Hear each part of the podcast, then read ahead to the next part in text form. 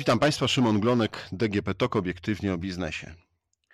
Tym razem moimi gośćmi e, są bardzo energiczni i bardzo fajni ludzie, którzy robią dobre rzeczy. Ale o tym właśnie porozmawiamy sobie. A moimi gośćmi są pani Iga Jędrych, specjalista komunikacji i edukacji CSR Lotte Wedel. Dzień dobry. I pan Wojciech Medyński, aktor. Dzień dobry. Dzień dobry, witam serdecznie. Zaczniemy od pani Igi. Pani Igo, to się nie da. Nic się z tym nie da zrobić. Ile razy słyszała pani to w swoim życiu? Wiele. Nie potrafię zliczyć, przepraszam. Nie przygotowywałam się aż tak. E, myślę, że mnóstwo. E, mnóstwo. Mało tego, kiedyś sama często może nie często, ale czasem tak myślałam. Natomiast u mnie na myśleniu się kończyło. Y, nie mówiłam tego na głos. Po prostu starałam się mhm. nie mówić tego na głos. A dlaczego pani tak słyszała? Podpowiedzmy, podpowiedzmy naszym słuchaczom, dlaczego pani tak słyszała, że, że słyszała pani, że pewne rzeczy są niemożliwe, że ich się nie da zrobić? Dlatego, że od urodzenia zbieram się z mózgowym porażeniem dziecięcym, w skrócie MPD, czterokończynowym spastycznym. To dla znawców tematu będzie jasne. W skrócie jestem osobą z niepełnosprawnością ruchową w stopniu znacznym, co powoduje i oznacza, że na co dzień do tak zwanego codziennego funkcjonowania potrzebuje stałego wsparcia osób trzecich. To tak w dużym skrócie. No dobrze, ale przedstawiając panią, powiedziałem, że e, jest pani ważną osobą w dużej firmie. Owszem. To tak. jak to jest, że z jednej strony potrzebuje pani osób do pomocy, a z drugiej strony wykonuje Pani bardzo odpowiedzialne zadania w y, dużej firmie. To dlatego między innymi, że mój y, znajomy wymyślił nowe powiedzenie, jak się nie da, jak się da i ono gdzieś tam przyświeca mojemu życiu, a moje motto życiowe, e, takie ogólne, największe brzmi szukaj szans w trudnościach, a nie trudności w szansach. To, że niepełnosprawność jest trudnością, obiektywnie rzecz biorąc, i to trzeba powiedzieć sobie wyraźnie, że życie z niepełnosprawnością jest trudne, wymaga wiele wysiłku, czasem poświęcenia, czasem przepłachanych nocy w poduszkę albo dni, ale to nie znaczy, że nie jest szansą e, czasami. Dla mnie stała się, stała się 6 lat temu, kiedy wkroczyłam na rynek pracy, e, ten otwarty rynek pracy, do tak zwanego biznesu i świata harowego.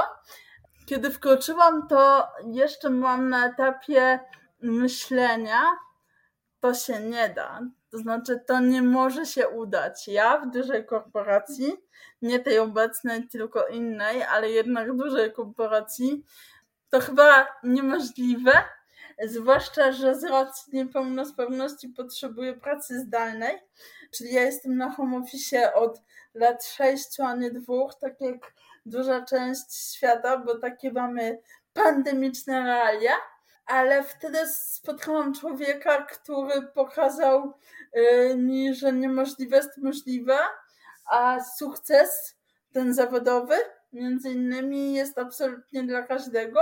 Dlatego dzisiaj mógł mnie Pan przedstawić jako specjalistę komunikacji i edukacji CSR w bardzo słodkiej, dosłownie w przenośni organizacji, dlatego że ja pod miałam w pewnym momencie do podjęcia ważną życiową decyzję. Czy z moją niepełnosprawnością zostać w czterech ścianach domu, liczyć na wsparcie to codzienne domowników i jakby skazać się na życie za oknem, w sensie na oglądanie świata przez okno swojego domu bądź z podwórka, bo mieszkam w domku jednorodzinnym, czy jednak chcę od życia więcej, wyjdę na zewnątrz, odważę się na to i zdecyduję się na to, że będą wspierać mnie inne osoby, czy też technicznie w różnych czynnościach, bo ta potrzeba pomocy nie znika. No i ponieważ lubię kiedy w życiu jest e, hardkorowo, lubię iść trudniejszą ścieżką, wybrałam opcję numer dwa. Zdałam maturę, to najpierw e, już dawno temu, a miało się nie dać. E, skończyłam studia, wyważona jestem psychologiem z wykształcenia i, i zamiłowania pasji. Później jeszcze zrobiłam dwa kierunki studiów podyplomowych między innymi zarządzanie zasobami ludzkimi i seksuologię kliniczną, a miało się nie dać. Pani Powodu... znaczy ja powiem szczerze, że to jest, y, na tym etapie bym powiedział, że to są imponujące osiągnięcia, bo osoby, które nie mają niepełnosprawności, y, nie, nie, nie, nie mierzą się z tym tematem w swoim codziennym życiu, czasami kończą jedne studia. No, jak już zrobią jedne podyplomowe, to naprawdę jest nieźle, a pani mówi o dwóch kierunkach podyplomowych. Tak, dlatego że ja bardzo lubię się uczyć, bardzo lubię poznawać, doświadczać nowych rzeczy. Dla mnie to dla mnie to nie był wyczyn i ilekroć ilekroć ja mówiłam, odpowiadając ludziom na pytania, skąd ty bierzesz siłę, jak ty to robisz, że się chce, Boże, jeszcze jedna studia, jeszcze jedna studia, ale ja e, odnajdywałam w tym spełnienie, kiedy, jak mówią Chińczycy, e, znać pracę, którą kochasz, a nigdy nie będziesz musiał pracować. E, dla mnie psychologia była spełnieniem marzeń, chociaż miało się nie dać, bo przecież potrzebuję pomocy w przemieszczaniu się, potrzebuję pomocy w tym, żeby się ubrać i rozebrać z kurtki na przykład. Potrzebowałam notatek, bo nie piszę ręcznie. Nigdy nie pisałam, także tych czynników było wiele, ale trafiłam na swoim roku na fantastyczne osoby, to jest jedno, a druga kwestia ważna jest taka, że wychowałam się w domu, gdzie bardzo dużą y, rolę i wagę przywiązywało się do wykształcenia. Poza tym, jeżeli jest się osobą z niepełnosprawnością jakąkolwiek, ale ruchową zwłaszcza, y, no to jednak te możliwości na rynku pracy są dość mocno ograniczone. Więc jeżeli masz ten intelekt. Dobrze, ale pani udało się y, dotrzeć do miejsca, w którym pani jest, czyli specjalisty komunikacji i edukacji. Co pani robi w y, codziennej swojej pracy? E, w codziennej swojej pracy e, tworzę masę tekstów różnego rodzaju na potrzeby wewnętrzne naszych pracowników, do naszych różnych newsletterów, akcji, mailingów itd., tak itd., tak ale też na zewnątrz, na przykład na naszego e, firmowego LinkedIna, profil na LinkedInie. To jest ta działka komunikacyjna. Jeśli chodzi o edukację CSR, ja głównie edukuję z zakresu niepełnosprawności. To znaczy, my w Wedlu w piątek odpaliliśmy oficjalnie też na zewnątrz program Czekosprawni, którego jestem liderką i z czego bardzo się cieszę, który jest ukierunkowany na zwiększenie zatrudnienia osób z niepełnosprawnościami w naszej organizacji, to pierwsze a po drugie chodzi o wyrównywanie szans na rynku pracy dla osób z niepełnosprawnościami właśnie, bo zdecydowanie jest to duża grupa osób. Najnowsze szacunki mówią nawet o 7 milionach e, osób w Polsce. Czekamy na wyniki najnowszego spisu powszechnego, bo to jest e, jedyne, e, najbardziej wiarygodne źródło informacji na ten temat, której bardzo trudno chociaż już nie tak jak 6 lat temu, to jednak nadal trudno wejść na rynek pracy. W związku z czym ja zajmuję się właśnie koordynacją tego programu i e, w jego ramach prowadzę szkolenia dla naszych pracowników, które polegają na przykład na tym, że opowiadam o tym, jak komunikować się z osobami z różnymi niepełnosprawnościami. Na przykład, jeszcze będzie konkretnie, jak przywitać się ze osobą, która nie ma prawej dłoni i wyciąga do nas lewą. Co masz zrobić, drogi człowieku, żeby nie popełnić fopa, również wyciągnąć lewą. To tak, to tak na marginesie. To bardzo przydatna, bardzo przydatna informacja, myślę, że dla wielu osób. Rozmawiamy w e, poniedziałek. Dzisiaj, 6 grudnia, trwa konferencja Pełnosprawni w pracy. E, jest Pani też zaangażowana w tą konferencję. Czemu w nazwie tej konferencji, jeśli byśmy popatrzyli, to S w razie pełnosprawni jest w nawiasie? To pytanie do autora nazwy tytułu, ale gdybym ja miała odpowiedzieć, to gdybyśmy usunęli S, to mielibyśmy słowo pełnoprawni, a chodziło nam o to, żeby podkreślić y, fakt, że osoby z niepełnosprawnościami są pełnoprawnymi. Raz obywatelami naszego społeczeństwa i w ogóle świata. Dwa, pełnoprawnymi kandydatami na rynku pracy. No dobrze, to jak wygląda ten rynek pracy dzisiaj? Bo mam wrażenie, że y, z dwóch stron tego rynku są jakieś kłopoty, jakieś niepewności, jakieś strachy. Z jednej strony pracodawcy, no bo jest ta kwestia techniczna dostosowania biura, fabryki, budynku, do możliwości, żeby osoby e, z niepełnosprawnościami mogły się swobodnie poruszać. Ale jest też taka kwestia, jak to się ładnie mówi, e, miękkich e, kompetencji, na przykład właśnie jak wprowadzić osobę niepełnosprawną do załogi. Jak od strony pracodawcy? No pani już teraz pracuje, szkoli, widzi jak pracodawca pani do tego podchodzi, ale też pewnie jak inni pracodawcy. Z, z jakimi wyzwaniami ci pracodawcy muszą się spotykać albo spotykają się? Na pewno z wyzwaniem pod tytułem lęk przed tym, co nowe i nieznane. No właśnie, tak jak Pan powiedział, jak wprowadzić osobę z niepełnosprawnością do organizacji? Czy ona sobie poradzi? Czy będzie wydajnym pracownikiem? Czy jej praca będzie efektywna? Czy ja jako przełożony, przełożona będę musiał, musiała jakoś dużo bardziej czasowo zaangażować się w to wdrożenie? To są takie pytania, które na pewno w głowach się pojawiają i ja pójdę krok dalej, na które e, należy sobie odpowiedzieć, a jeżeli nie umiemy sobie odpowiedzieć, to należy poszukać tej e, wiedzy u specjalistów, którzy to znajdują się w różnych fundacjach czy stowarzyszeniach działających na rzecz aktywizacji osób z niepełnosprawnościami i na pewno warto, dlatego że oni pokażą, że ten nowy, nieco inny świat, świat niepełnosprawności, jednak nie jest ani tak bardzo inny, jak się niektórym wydaje, ani też nie jest taki straszny, jak go malują. To, to na pewno. Trzeba sobie zdawać sprawę z tego, że to jest projekt, e, czy program, jak go byśmy nie nazwali.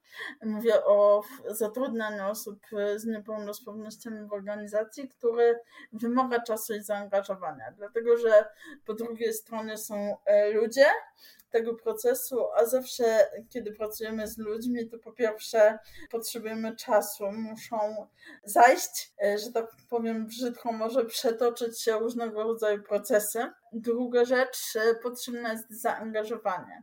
E, co ja mam na myśli? Ja mam na myśli to, że osoby, które po raz pierwszy, a Fedel taką organizacją jest y, odkąd był, odkąd ja pojawiłam się w niej w lutym tego roku, zderzają się z tematyką niepełnosprawności, to to bardzo zmienia perspektywę. Bo na przykład ja nie piszę ręcznie, jak już powiedziałam, na komputerze z racji różnych problemów manualnych piszę tylko dwoma, a nie dziesięcioma, jak niektórzy palcami, w związku z czym robię to znacznie wolniej niż osoba pełnosprawna. W momencie, kiedy ja rekrutowałam się do Wedla, do działu komunikacji, gdzie głównie się pisze, operuje się słowem pracuje się na tekstach, ja powiedziałam wprost, że ja nie napiszę tekstu na stronę A4, dajmy na to w kwadrans, a potrzebuję na to godziny.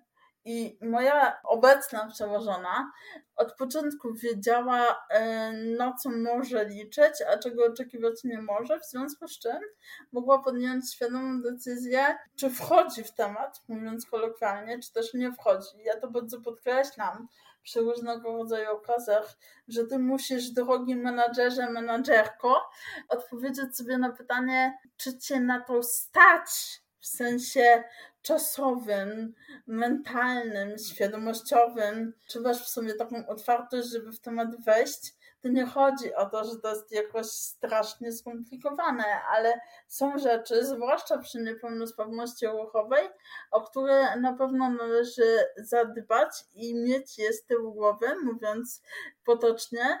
Natomiast trzeba też sobie zdawać sprawę, że niepełnosprawność ruchowa nie jest jedynym rodzajem niepełnosprawności, jest ich mnóstwo. Tak, e, I nie każda tak. będzie wymagała takiego przystosowania czy przemodelowania różnego e, rodzaju procesów współpracy. Mało tego, około 70% niepełnosprawności to niepełnosprawności niewidoczne dla oka, więc e, my możemy nawet sobie nie zdawać sprawy z tego, że już w tej chwili współpracujemy z osobami z niepełnosprawnościami, które mają na przykład cukrzycę, epilepsję, choroby serca czy układu pokarmowego. To też są choroby, które predysponują człowieka do posiadania orzeczenia o stopniu niepełnosprawności, a ich nie widać i bardzo często nie wpływają tak bardzo, albo w ogóle nie wpływają na codzienne funkcjonowanie. No tak, ale to jakby miała Pani powiedzieć teraz, a jakie są plusy z zatrudnienia osoby z niepełnosprawnością? Jeszcze podkreślę, że jedyne właściwe obecnie nazewnictwo to osoba z niepełnosprawnością, osoby z niepełnosprawnościami, a nie osoba niepełnosprawna czy osoby niepełnosprawne i to nie to dlatego, Do słów że... zaraz przejdziemy, to proszę, proszę jeszcze nie odkrywać okay. wszystkich tutaj naszych tematów, ale Dobrze. jakbyśmy wrócili do, do tematu pracodawcy i tak y, w Korzyść. dużym skrócie powiedzieć, jakie są plusy? Dużo. To są kwestie społeczne, to znaczy y, ludzie bardziej się w pracę angażują. Y, są, y, mówię o pełnosprawnych osobach, są bardziej zmotywowane, bo kiedy na przykład widzę osobę na wózku, która jest uśmiechnięta i jej się chce i wykonuje te swoje zadania z uśmiechem, to trochę głupio mi powiedzieć czy pomyśleć, że mi to się czasem nie chce rano wstać, bo nie wiem, bo się nie wyspałam, czy nie wyspałam, to są korzyści indywidualne dla, dla każdej osoby. To znaczy, yy, mówi się o tym, że spada nam ryzyko na przykład wypalenia zawodowego, kiedy pracujemy w różnorodnym środowisku, a niepełnosprawność jest elementem różnorodności, bardzo znaczącym i ważnym. Yy, to są wreszcie korzyści takie organizacyjne, powiedziałabym to znaczy są badania i dowody na to, że różnorodne zespoły to są po prostu bardziej efektywne zespoły, bardziej kreatywne zespoły. Z jednej strony dlatego, że tak jak powiedziałam, wszyscy bardziej się wtedy angażujemy e, w pracę, świadomie lub nie, a z drugiej strony dlatego, że pojawienie się w zespole osoby z niepełnosprawnością to zupełnie czasem nowy, inny punkt widzenia, a im więcej różnych punktów widzenia, tym większa kreatywność w zespole. To są też korzyści ekonomiczne i nie należy ich pomijać. Ja, ja może nie szczególnie lubię o nich mówić, ale nie należy ich pomijać, dlatego że zwłaszcza w czasach pandemii, wszyscy w biznesie, mam takie poczucie jak jeden mąż, niezależnie od wielkości organizacji, zaczęli bacznie przyglądać się swoim budżetom. Wiemy dlaczego a jednak niezatrudnianie osób z niepełnosprawnościami w zależności od wielkości firmy i ilości etatów w danej firmie to są ogromne koszta, które milionowe koszta, które organizacje ponoszą na rzecz Państwowego Funduszu Rehabilitacji Osób Niepełnosprawnych i zwyczajnie organizacji już na to nie stać, po prostu. Czyli podsumowując, z, każdej, z każdego punktu widzenia to się tak. po prostu opłaca. O, tak. I zespół jest zaangażowany, i zespół przez to, że jest różnorodny, jest bardziej kreatywny i finansowo. Jakie strachy, jakie wyzwania i jakie korzyści są po stronie właśnie osób z niepełnosprawnościami, jeśli decydują się wchodzić na otwarty rynek pracy? To zależy, czy to jest pierwsza praca, czy kolejna, ale generalnie to też jest lęk przed nowym, przed tym, czy ja sobie poradzę, czy zostanę zaakceptowana, zaakceptowany, czy na przykład, tak jak w moim przypadku, zespół zaakceptuje to, że moje teksty będą przychodzić e, później do akceptacji niż moich pełnosprawnych koleżanek. Wreszcie, czy ludzie nie będą mnie piętnować w jakiś sposób, albo niektórzy mówią też o tym, że nie chcą, żeby się nad nimi litowano z racji niepełnosprawności, a z kolei osoby pełnosprawne podkreślają to na każdym moim szkoleniu. Najbardziej boją się tego, że urażą albo co pojawiło się ostatnio, że właśnie będą inaczej traktować w tak zwanej dobrej wierze, ale też z powodu niewiedzy, jak należy to robić i że tak czy inaczej wyjdzie źle. A to bardzo często tak nie jest i to są, mówiąc y, może trochę prześmiewczo, strachy na lachy. Po prostu. Bo y, wystarczy z kimś się spotkać, porozmawiać, kogoś poznać, czy wirtualnie, czy stacjonarnie. Teraz mamy dwa wymiary na świecie i możemy się przekonać bardzo szybko, że niepotrzebnie się obawialiśmy. Owszem, pojawiają się trudności, e, czasem wyzwania większe niż może e, w innych sytuacjach, ale tak jak powiedziałam wcześniej, kiedy pracujemy z ludźmi, to zawsze tak jest. I jakby HR i praca w HR-ze to praca z misją. Ja kiedyś to usłyszałam od kogoś, teraz bardzo sama w to wierzę i powtarzam ludziom, bo my jesteśmy w organizacji po to, żeby oczywiście rekrutować ludzi, dbać o komunikację i tak tak dalej, robić różne akcje dla pracowników, ale też, ja to powiem z pełną odpowiedzialnością, bo tak czuję, zmieniać świat na lepsze, a my zmieniamy go nie tylko wewnątrz organizacji, nie tylko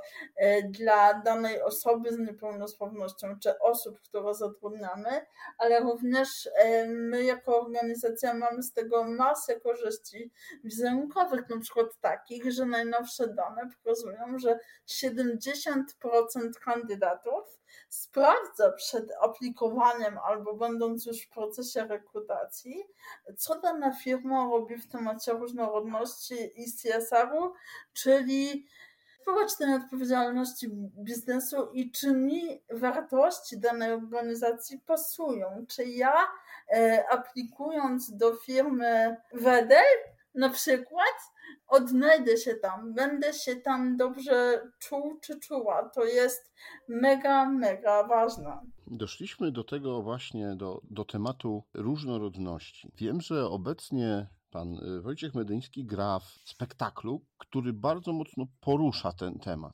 Tak, to prawda. Spektakl e, Wymieszani, Posortowani, czyli Czarno to widzę. To spektakl komediowy. E, pomysłodawczynią tego spektaklu była Omena Mensa i ten spektakl miał premierę akurat tuż przed pandemią, więc, e, że tak powiem, graliśmy go do, na razie w systemie szarpanym i tam właśnie jest to bardzo śmieszna komedia, zresztą autor Marcin Szczygielski świetnie ją napisał, bardzo za, zabawna sytuacja, ale to, co, z czym ja się spotkałem tak naprawdę, gdy już e, zagraliśmy kilka tych spektakli, e, no więcej niż kilka, między innymi też byliśmy z tym spektaklem w Irlandii, to właśnie to, że pomimo tego, że ludzie świetnie się bawią, to jednak zostają właśnie z tematem tolerancji na wielu poziomach. I jedną z postaci, która e, w tym spektaklu występuje, która jest, to, to jest właśnie osoba z niepełnosprawnością, tancerka, która uległa wypadkowi i, i no, porusza się na, na, na wózku. No i ten temat też jakby nam przy, przy tej pracy y, uzmysłowił wiele rzeczy, właśnie chociażby takich jak komunikacja tego, jak przypuszczam, bo, bo no oczywiście fachowcem nie jestem w tej dziedzinie, ale na przykład koleżanka, która pracowała nad tą rolą, spotkała się z, z osobami, które właśnie poruszają się na, na, na wózkach i na przykład przyniosła nam taką informację, że ludzie, którzy poruszają się na, na wózkach inwalidzkich, yy, mówią, że przyszli, a nie, że przyjechali. Właśnie to jest też moje trochę pytanie do pani Igi, jak to jest, czy to kwestia nazewnictwa, na ile ona jest istotna. Przypuszczam, że to w jakiś sposób jest to też po części indywidualna sprawa, ale czy, czy jest jakiś taki ogólny, powiedzmy, e, słownik pojęć, które można używać, a, a, a których raczej nie powinno się. No właśnie, co z tymi słowami, pani Igo? Absolutnie tak. E, absolutnie słowa mają znaczenie i absolutnie kiedy jadę na wózku, ja mam ten wózek terenowy, elektryczny typu skuter, to taki mały samochodzik, a nie wózek, e, nie obrażam się o to, że ktoś mówi do mnie podejdź, E, a nie podjedź e, i mówię, że przyszłam, a nie przyjechałam.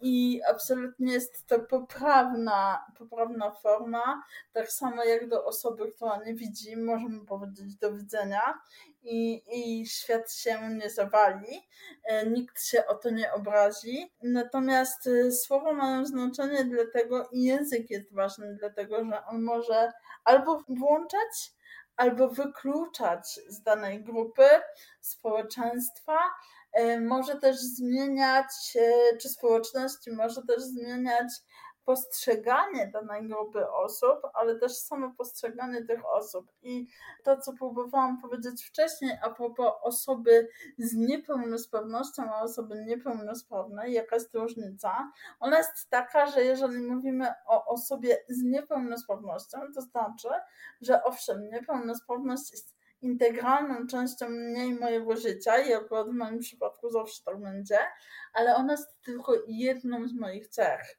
bo jak e, słychać, z mówieniem radzę sobie dobrze i intelektualnie mam nadzieję, że też jeszcze nadążam za światem, który, który pędzi.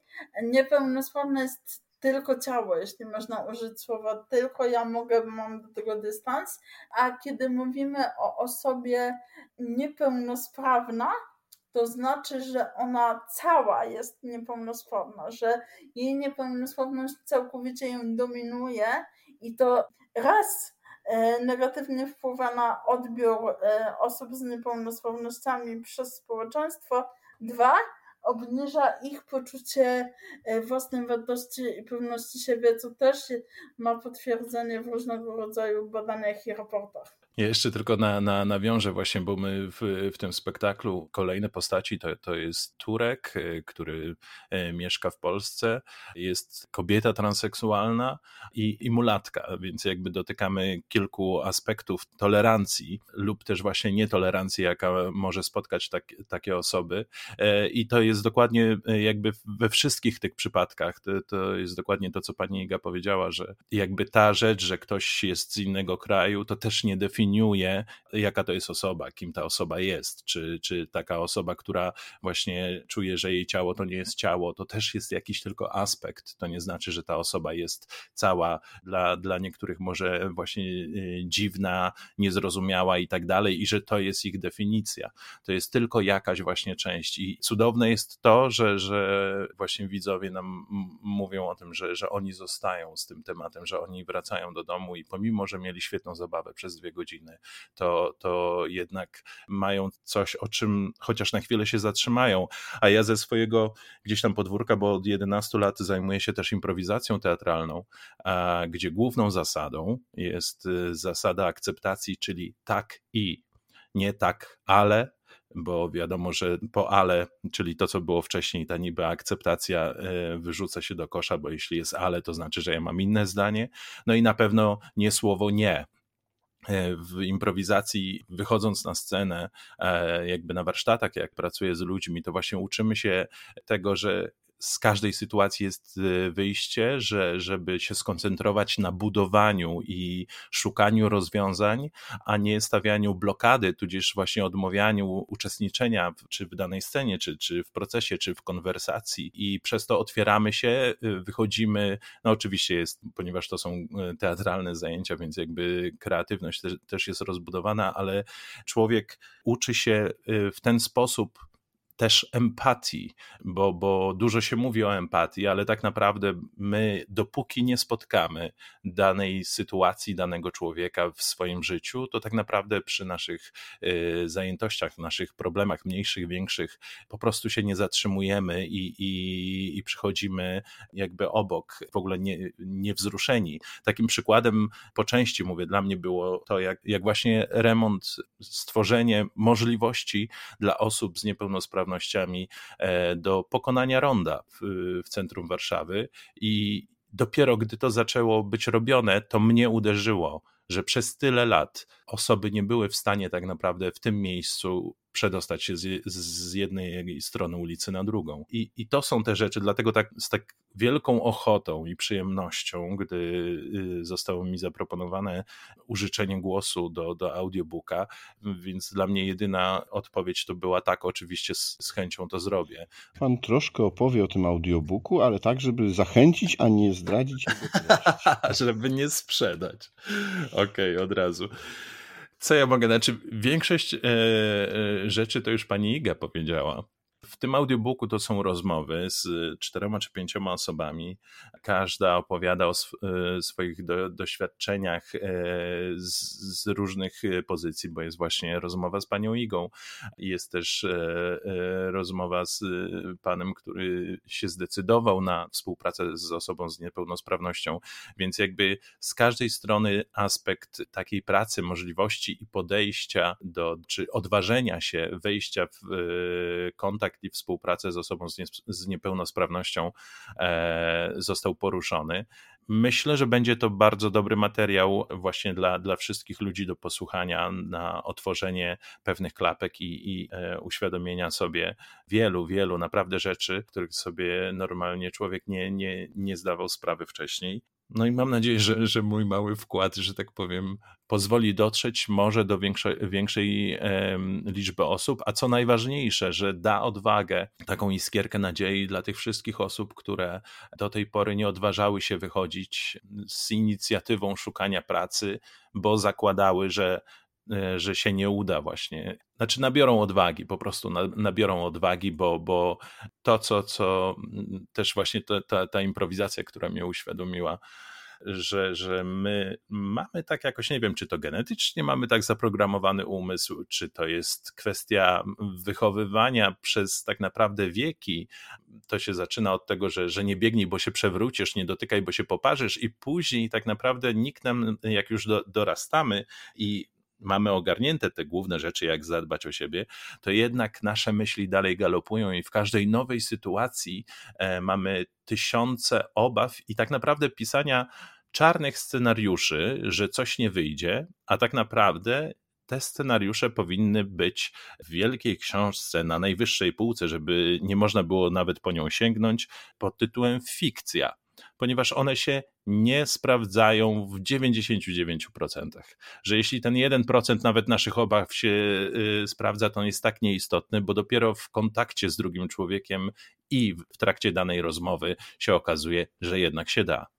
Pozwolę sobie dodać e, do tego, co mówił pan Wojtek, e, że mm, audiobook, e, za którego nagranie i życzone głosy ja bardzo dziękuję, bo publikacja stanie się bardziej dostępna dla osób z niepełnosprawnością wzrokową w różnym stopniu, ale też dla mnie, która owszem nosi okulary, ale widzi dobrze, Natomiast trudno mi e, czytać e, z laptopa, czy, czy trzymać książkę papierową, e, więc sama czekam na audiobook, natomiast audiobook jest następstwem, jest konsekwencją, a być może pięknym uzupełnieniem e-booka, pod tytułem Na barykadach o uwalnianiu e, potencjału osób z niepełnosprawnościami, które swoją premierę, tą na razie wirtualną, e, miał e, w miniony piątek.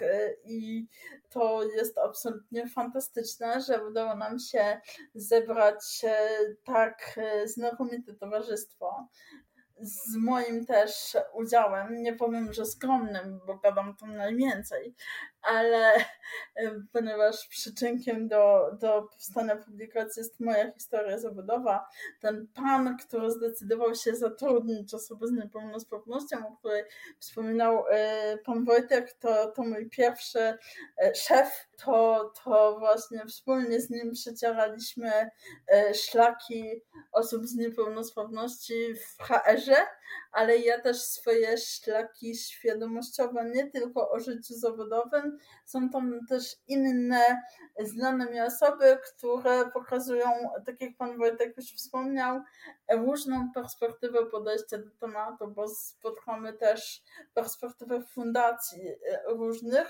które to wspierają z jednej strony pracodawców, żeby odganiać te strachy, o których Pan mówił, Panie Szymonie, ale z drugiej strony osoby z niepełnosprawnościami, które i ich strachy, które decydują się wejść na rynek pracy. Więc polecamy gorąco.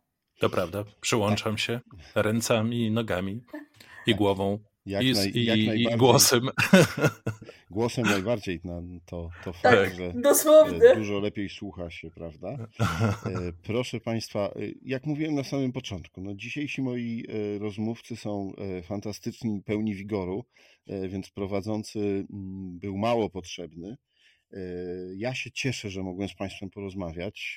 Zachęcam do poszukania tego audiobooka. E, i do posłuchania fantastycznego głosu i fantastycznych historii, które myślę, że rozwieją wiele strachów, a też zainspirują do działania. Dzisiejsi moi goście to pani Iga Jędrych, specjalista komunikacji i edukacji CSR Lotte Wedel i pan Wojciech Medyński, aktor użyczający swojego głosu do audiobooka. Dziękujemy. Dziękuję, do widzenia. Dziękuję Państwu bardzo. Podcast zrealizowała Dorota Żurkowska, a rozmawiał Szymon Glonek. Zapraszam do następnych podcastów.